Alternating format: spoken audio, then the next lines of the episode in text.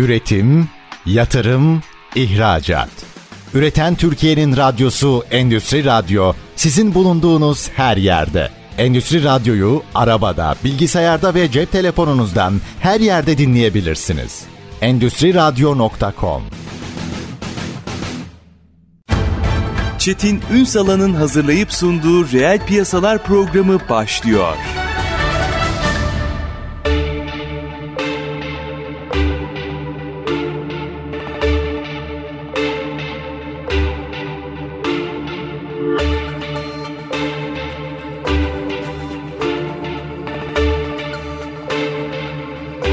Reel piyasalardan merhabalar. Türkiye'nin gerçek gündeminde birlikteyiz. Efendim Türkiye'de büyüyen sektörler var. Önemli işlere imza atan sektörler var. Elbette bunun içerisinde birçok sektörü saymam mümkün. Ama galiba o listeye mobilya da giriyor. Son yıllarda gösterdiği performans, dünya ölçeğindeki ortaya koyduğu tavır, ürünler, artık tasarımla gündeme geliyor olması gibi gibi birçok faktörle aslında mercek altına alınması gerekiyor. Hem mobilya sektörü özelinde hem de aslında metodoloji olarak bakış açısı olarak diğer sektörlere de örnek olması babında. Bugünlerde de biliyorsunuz sektör bir arada. Biz de bağlantılarla aslında bu konudaki gelişmeleri sizlere aktarıyoruz. Biz bugün mobilya sektörünü, pazarını, değişimleri ele alacağız. Kıymetli bir konumuz var. Millennium Mobilya sahibi iç mimar Tolga Dönmez. Bugün reel piyasaların konu. Sayın Dönmez yayınımıza hoş geldiniz efendim.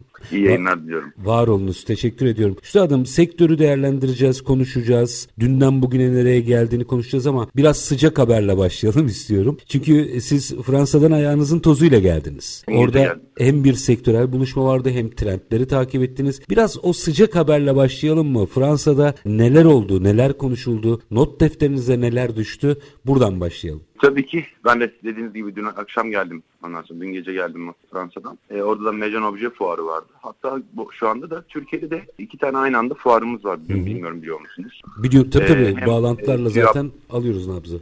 Evet, evet. Dolayısıyla bizim şu anda Türkiye'deki orası da tabii çok hareketli. Oradan genel anlamda İtalya'dan tarzlara, önümüzdeki gelecek modellere, e, Fransa'dan da genelde renklere bakıyoruz. Biliyorsunuz modayı da genel anlamda çok ileride götürdükleri için de e, insanlarımız da birbirinden görekten de yeni büyük firmalardan sonuçta feyiz alındığı için de e, moda hala da e, oradan başladığı için biz de oraları sıkı vaziyette takip ediyoruz. Ama şu anda gördüğüm kadarıyla Türkiye ile ne Fransa'nın ne de İtalya'nın mobilya kalitesi bakımından en ufak bir fark kalmamış. Hatta birçok konuda çok üste geçmişiz. Çünkü İtalya fuarlarında da mesela dikkat ettiğim kadarıyla olan ihracattan Türkiye'de yapılan fuarlarda doğan ihracat çok çok daha büyük oluyor. Hı Trendler ne anlattı size Fransa'da? Neler Ee, ön geçen- plana, neler ön Bu plana e, çıkıyor?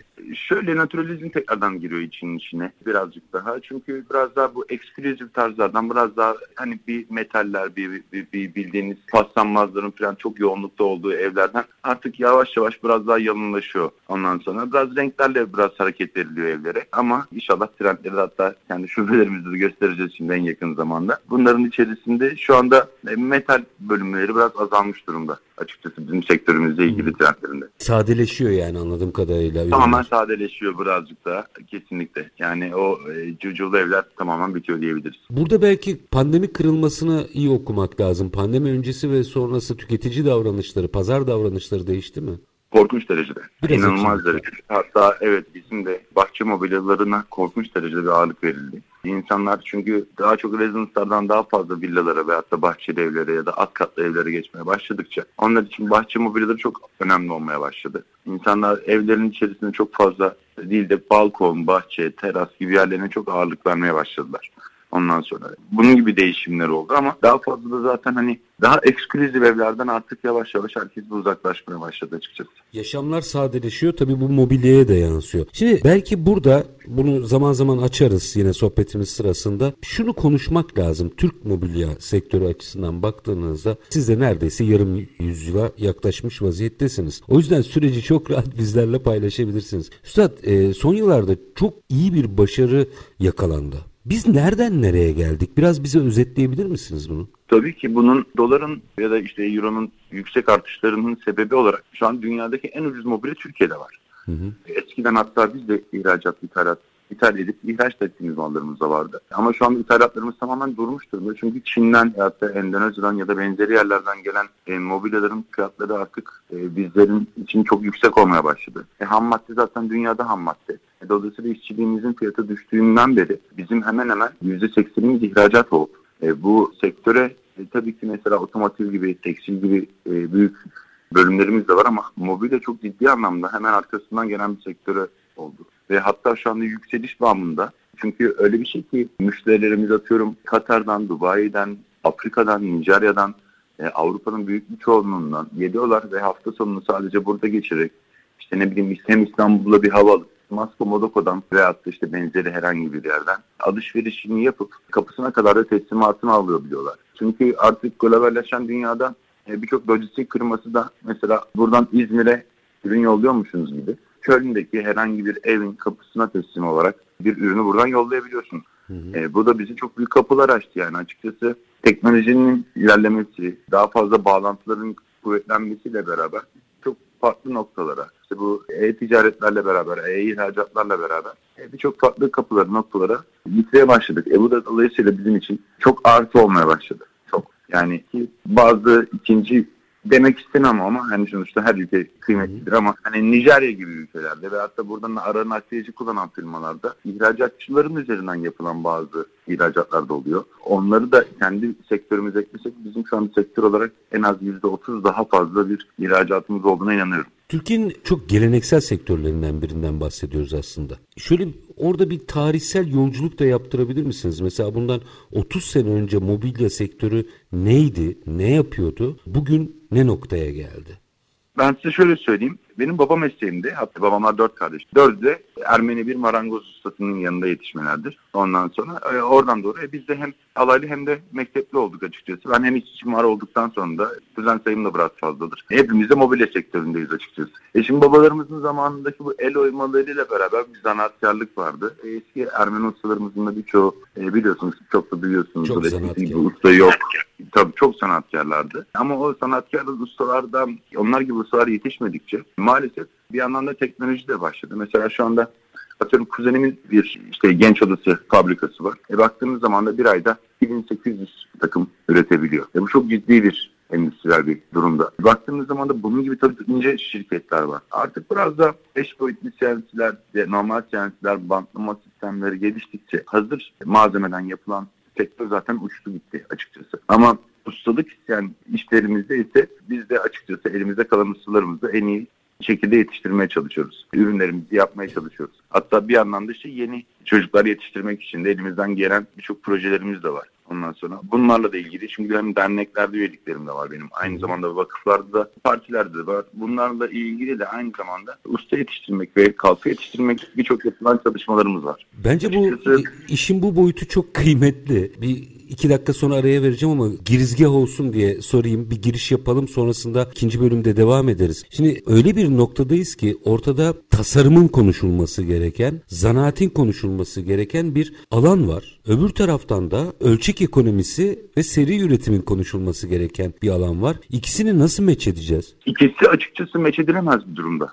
Yani şöyle bir şey düşünün. Tek tek elle yapılan bir şeyin kıymetiyle bugün araba sektöründen de e, baz alabilirsiniz. Çok seri üretilen bir aracın aynı bantta olmasına gerek yok. Ama bu insanların ekonomik olaraktan şöyle söyleyeyim ben bir mimar olarak bir odanın maliyetini 50 bin lira olarak bir bütçesine hazırlamış bir insanla 500 bin lira hazırlamış bir insanın bütçesi arasındaki fark gibi düşünün. Hı hı. Yani ne kadar 50 bin lira yaptırabilecek insan var ve ne kadar 500 bin lira yaptıracak insan var gibi düşünebiliriz bunu.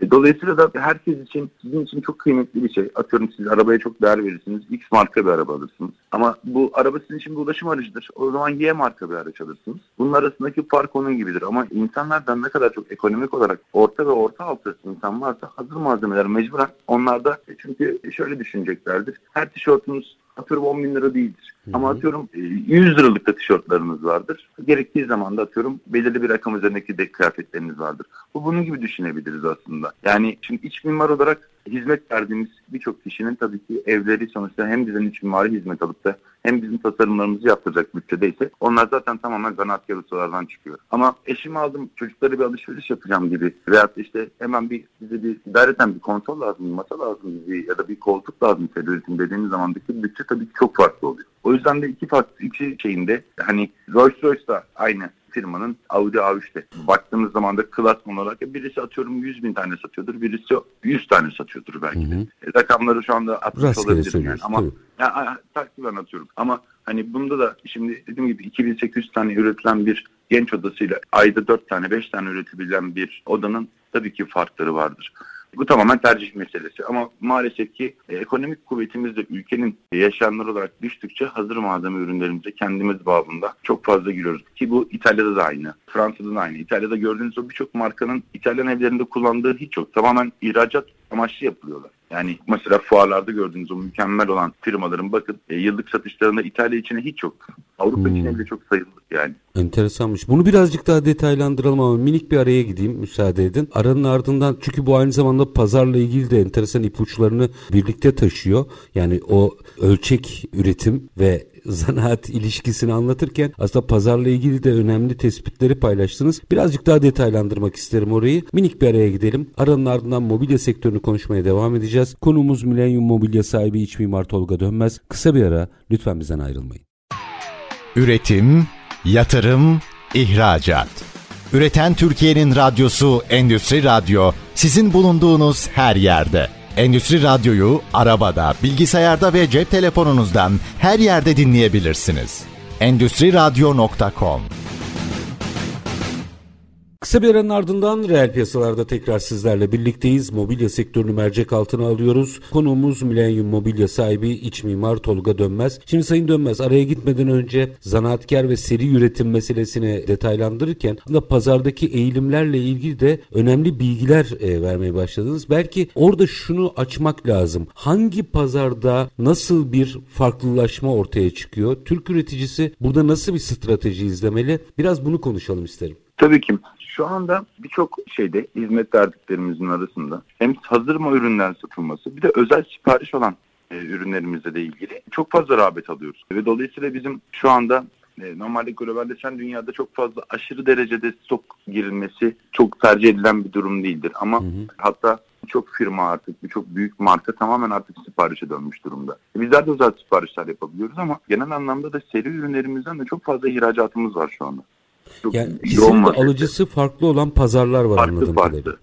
Aynen öyle. Yani dolayısıyla şimdi seri üreten yerlerde de olduğu gibi özel sipariş olan birimler kurulmaya başladı. Bizim de kendi hazır ürün satış personelimiz atıyorum 85 kişidir. Ama bir 9-10 kişilik de bizim bir ekibimiz vardır ki tamamen özel müşteri siparişleriyle, özel tasarımlarla ilgili Onların içerisinde iki iç mimar, iki tane endüstriyel tasarımcı vardır. Sizin geldiğiniz zaman da evinizi alırlar baştan aşağı. A'dan Z'ye siz nasıl istiyorsanız tamamen custom made olaraktan yapılır ve o size teslim edilir. Diğer ürünlere göre de aynı kalitede çıkar. Çünkü seri üretim artık oturmuş bir ürün, ürün bandıdır. Ama özel siparişlerde bazen aksilikler olabilir. E, o yüzden de onu daha sıkı tutmanız gerekir ki özel üretim isteyen birisi de e, daha özenle ürünü tercih ettiği için de minimumda aynı kaliteyi e, maksimum performansla vermeniz gerekiyor onlara da. E, bir yandan da dijitalleşmeyi de kullanmaya başladı çok fazla bu arada. Ondan sonra bu sektörle ilgili. Şimdi artık teknolojide biliyorsunuz eğer sistemleri çıkmaya başladı. Artık e, cep telefonlarınızda uygulamalar var. Bunlarda ürünlerin üçer boyutlu hallerini görebiliyorsunuz. Evinizde nasıl durduğunu görebiliyorsunuz. Bir yandan kendi evinizi tasarlayabiliyorsunuz. E, bunlar gibi artık sektör biraz da açıkçası söyleyeyim neşelenmeye başladı. Gibi bir marangozhaneden çıkan ürünler değil artık daha keyifli, daha bizler de açıkçası mesela babalarımızın ya da dedelerimizin devrinde girip yurt dışında bunları görme imkanlarını bulamıyorlardı o, o günkü konjüktürde. Ama şu anda biz tabii dünyanın her tarafını analiz edebiliyoruz. Atıyorum Hollanda'daki sistemleri beğenebiliyoruz. Fransa'daki renkleri, İtalya'daki modelleri veyahut da benzeri e, herhangi bir yere gittiğimiz zaman da kendimize artık yeni bir koleksiyon oluşturduğumuz zaman da bunlar çok rağbet görebiliyor. Dolayısıyla da bunlarla ilgili kendi sektörümüzle ilgili her dakika yukarı bir ivme aldığımız için açıkçası daha çok ne verebilirim ve ne alabilirime dönüyor daha çok bizim de emeğimizin. Orada gerçi hani pandemiyi yorumlarken sadeleşmeye atıfta bulunduğunuz için buradan açmak isterim meseleyi. Dijitalleşmeye geleceğim. Orayla ilgili merak ettiğim bir şey var. Hele ki bir iç mimarda bulmuşken onu açmak isterim ama şu noktayı tamamlayalım. Sadeleşme yani talepteki sadeleşme seri üretime çok daha rahat bir ortam mı yaratıyor? Sadeleşme aslında seri üretimin ihtiyacı olan şey ölçüyle alakası. Hı hı. Yani eğer ki ölçülerde sabit kalabilirseniz o zaman seriye girebilirsiniz. Bu ister sade olsun isterseniz ekskluziv olsun. Ama hı. şimdi nasıl ki kıyafetlerimiz bile biraz daha sadeleşti. Daha abartı şeylerimizi artık giymiyoruz. Bir zamanların İtalyan markaları vardı böyle. Bilmem marka versem yanlış anlaşılır. Marka rütük nedeniyle vermeyin ama. Vermiyorum. Okey ama hani daha böyle eski filmlerde bile insanların üzerinde gördüğümüz kıyafetler günümüzdeki kıyafetler nasıl sadeleştiyse. Doğru. Şu andakilerin de evlerde de %100 ona gittik. Tabii ki daha sadeleşemeyen ülkeler var. Atıyorum ki şimdi Suudi Arabistan en ağır mobilyalar. Orta Doğu, Körfez sanıyorum daha evet, şey. Çok çoğunlukta o tarz ürünler istiyorduk ki onlar bile artık dönmeye başladı. Çünkü onların da babaları daha klasikti ama genç nesil olduğu gibi Avrupa'yı görenler veyahut da işte ne bileyim diğer ülkelerin diğer tasarımları görenlerin birçoğu anlattılar ki o kadar fazla evlere yoğunlukta daha sade ürünlerle hani sadelik şıklık getiridir. Bizim en çok kullandığımız tabirimizdir o mimarlar arasında ama bir şeyleri abartmadığımız sürece hem alım gücü daha rahat olur. Kullanırken daha keyifli kullanırsınız. Hem de açıkçası herhangi bir zarar gördüğü zaman ürününüzde hem tamiratı kolay olur hem de vicdan azabı o kadar çok çekmezsiniz açıkçası yani hani dolayısıyla da sadeleşmek her zaman daha iyi. Üstad şimdi tabii markadı ben de vermeyeceğim doğal olarak ama aşağı yukarı herkes bilecektir. Bir yurt dışı firması vardı biliyorsunuz böyle demonte de dünyanın evet. her yerine giriyordu. Şimdi elbette o kendini anlatır ayrı konu ama orada mesela tüketicinin ağırlıklı olarak tercihleri mukavemet yönündeydi veya dayanım yönündeydi. Türk firmaları sanıyorum seri üretimle sağlam kaliteli üretim ürün şeyini birleştirebildi. Çıkışın nedeni bu mu? Yüzde yüz. Şu anda bahsettiğiniz markalar gibi markalar ki bu Amerika'da da Avrupa'da da birçok ülkede de e, birçok bölgede de yoğunlukta onun gibi markalar da var. Ama şu anda bizim ürettiğimiz mallar onlardan çok daha hesaplı ve çok çok çok daha kaliteli. Ve hatta böyle büyük mark, gross market gibi olan o mobilya yerlerinden alışveriş yaptığınız zamandaki daha kaliteli ürünlere geçtiğiniz zaman da ortalama Türk markalarından yaklaşık olarak 7-8 kat hala pahalılar kadar da fark ediyor. Hele Avrupa ile aramızda çok ciddi bir fiyat farkı var. E bizim bu gidişimizde de hatta ben işte Almanya'da da bulundum, Hollanda'da da bulundum. En sonunda Paris'e yani 15-16 günden beri yoktum ben. Bu zaman zarfında tek baktığım şey fiyatlar da açıkçası. Yani inanılmaz bir farkımız var. Yani ve kalitede dediğim gibi üstteyiz altta değiliz. Ama fiyat bakımından korkunç derecede iyiyiz. Yani o yüzden de e, hatta dün gelir gelmez işte babam ve kardeşimle görüştüm. E, bugün de fuarları ziyarete gideceğim. Onlar iki günden beri fuardaki dostlarımızı ziyarettelerdi. Bunda şu andaki yoğunluk da bu kadar yoğun olmasının sebebi de zaten fiyatlarımız çok. Yani Türk fiyatları çok çok iyi yani şu anda. Sizce artık şimdi mobilya sektörüne baktığımda ben son yıllarda şunu görüyorum. İşbirliği ve birlikteliği rakip olmak kadar partner olmayı da çok iyi becerdi yurt dışı pazarlarda özellikle. Artık bu bahsettiğim marketvari ortak işler yapıp mollar açmanın zamanı veya alışveriş merkezleri açmanın zamanı gelmedi mi dünyada? Şu anda bunun üzerinde zaten çok fazla çalışmalar yapılıyor. Şu anda benim görüştüğüm hatta Amerika'da 3 tane bölgede, Dubai'de. Şimdi biz genel olarak zaten şöyle bir şey oluşturmuşuz. Mobilyacılar çok fazlalıkla buralara bizim kendi erli markalarımız gitmişler. Yan yana yan yana mağazalar ya da yakın çevredeki şeyleri bu marketçilik bölümlerini halletmişler. Ama şimdi Modoka ve Masko olarak mesela bunun hmm. üzerine çok fazla çalışılıyor. Şu anda Amerika'da bir yerin üzerine pazarlıktalar. Yine hatta Amerika'daki dört bölgenin üzerinde büyük bahsettiğiniz gibi bir AVM yapılıp herkesin kendi ürünlerinin içerisinde barındıracağı ve bunları satacakları bir sizin tamamen düşündüğünüz gibi yer yapılmak üzere açıkçası. Aa, çok yani çok güzel. Bu iyi bir hamle. Çok iyi bir hamle olacak inşallah. Orada da sanıyorum tabii sistematiği de yine Bulunacak. profesyonel e, şekilde yönetmek lazım. Ama mobilya sektörü bunu e, başarıyor. Birçok noktada başarıyor. Görüyoruz. Sanıyorum orada da sonuç alınabilecektir. O zaman onu takip etmekte fayda var. Bir diğer evet, nokta. Demin dijitalleşmeden bahsettiniz. Şimdi metaverse diyeceğim size. Evet. Fakat Metaverse meselesini farklı bir boyutuyla. Evet Metaverse'te bir firmanın ürünlerini orada tasarlayıp göstermesi ve tüketiciye bu yolla ulaşması mümkün. Bu konuyla ilgili ilgili aslında düşüncelerinizi de merak ediyorum. Açarsanız sevinirim. Ama ben bir faz yükselteceğim. Buradan yorumlamanızı rica edeceğim. Madem orada yeni bir dünya oluşuyor. Benim Türk firmalarım niye orada insanların o sanal evlerine satış yapmasın? Zaten bunun üzerine şu anda büyük firmaların çoğu altyapıda çalışıyoruz şu anda. Biraz açın ne olur. Tabii ki açayım. Örneğin Metaverse dünyasına eğer denilen bir aslında sistemle başlayacağız ilk başta büyük bir çoğunluğumuzla. Eğer sisteminde ise artırılmış gerçeklik olarak Türkçesi tam olarak buna denk geliyor. Bunda siz 3D Max babında içerisinde 3D Max programların içerisinde çizdiğiniz ürünleri daha önce evinizi tasarlattırdığınız zaman da mimarlar size gider ve evinizin bitmiş halini gösterebilir. Biz de şu anda bu ürünlerin her birini kendi ürünlerimizi e, yaklaşık olarak herhalde bir 12 kalem bir ürünün tek tek bütün hepsini 3D Max çizimleri yapılıp normal siz telefonunuzu kamerasını açtığınız zaman da kendi evinizdeki kendi iç mimarlığınızı yapabilir duruma gelebiliyorsunuz. Dolayısıyla e, programımıza girip oradan 3 boyutlu koltuğunuzu, işte ne bileyim avizenizi, oturunuzun üzerine koyacağınız sehpasıymış, örtüsüymüş, halısıymış. Bunuza gelen bütün dekorasyon malzemelerinizi tamamen oradan alıp çok basit vaziyette çocukların bir oyun oynayacağı kadar güzellikte bunları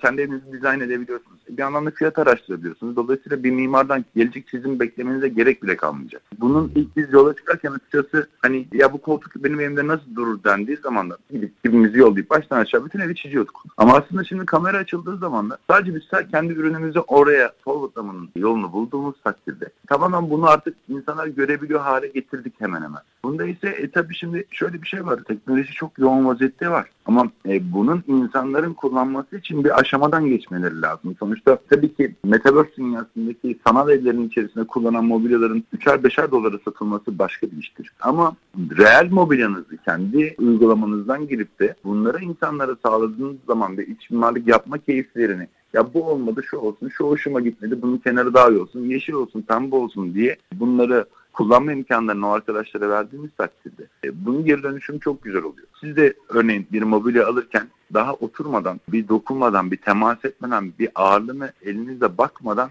kolay kolay daha hani bu aşamaya yeni yeni geliyor. Ürününü bildiğiniz, firmasına güvendiğiniz bir mal alırken bunu çok daha hızlı yapabilirsiniz. X bir firma vardır, internette 5 liradır. Önemli değildir. Y firmada 50 liradır ama ürünü bilirsiniz, firmayı bilirsiniz, güvenirsiniz. Yarın bir gün bir şey zaman kapısını çalacağınız bir firma vardır karşınızda. Onun bir sanal dünyasından alışveriş yapmanız biraz daha artı kazandıracaktır. Size güven bakımından firmayı da alım bakımından daha fazla katkı da sağlayacak. Anladığım kadarıyla biraz daha süreci var.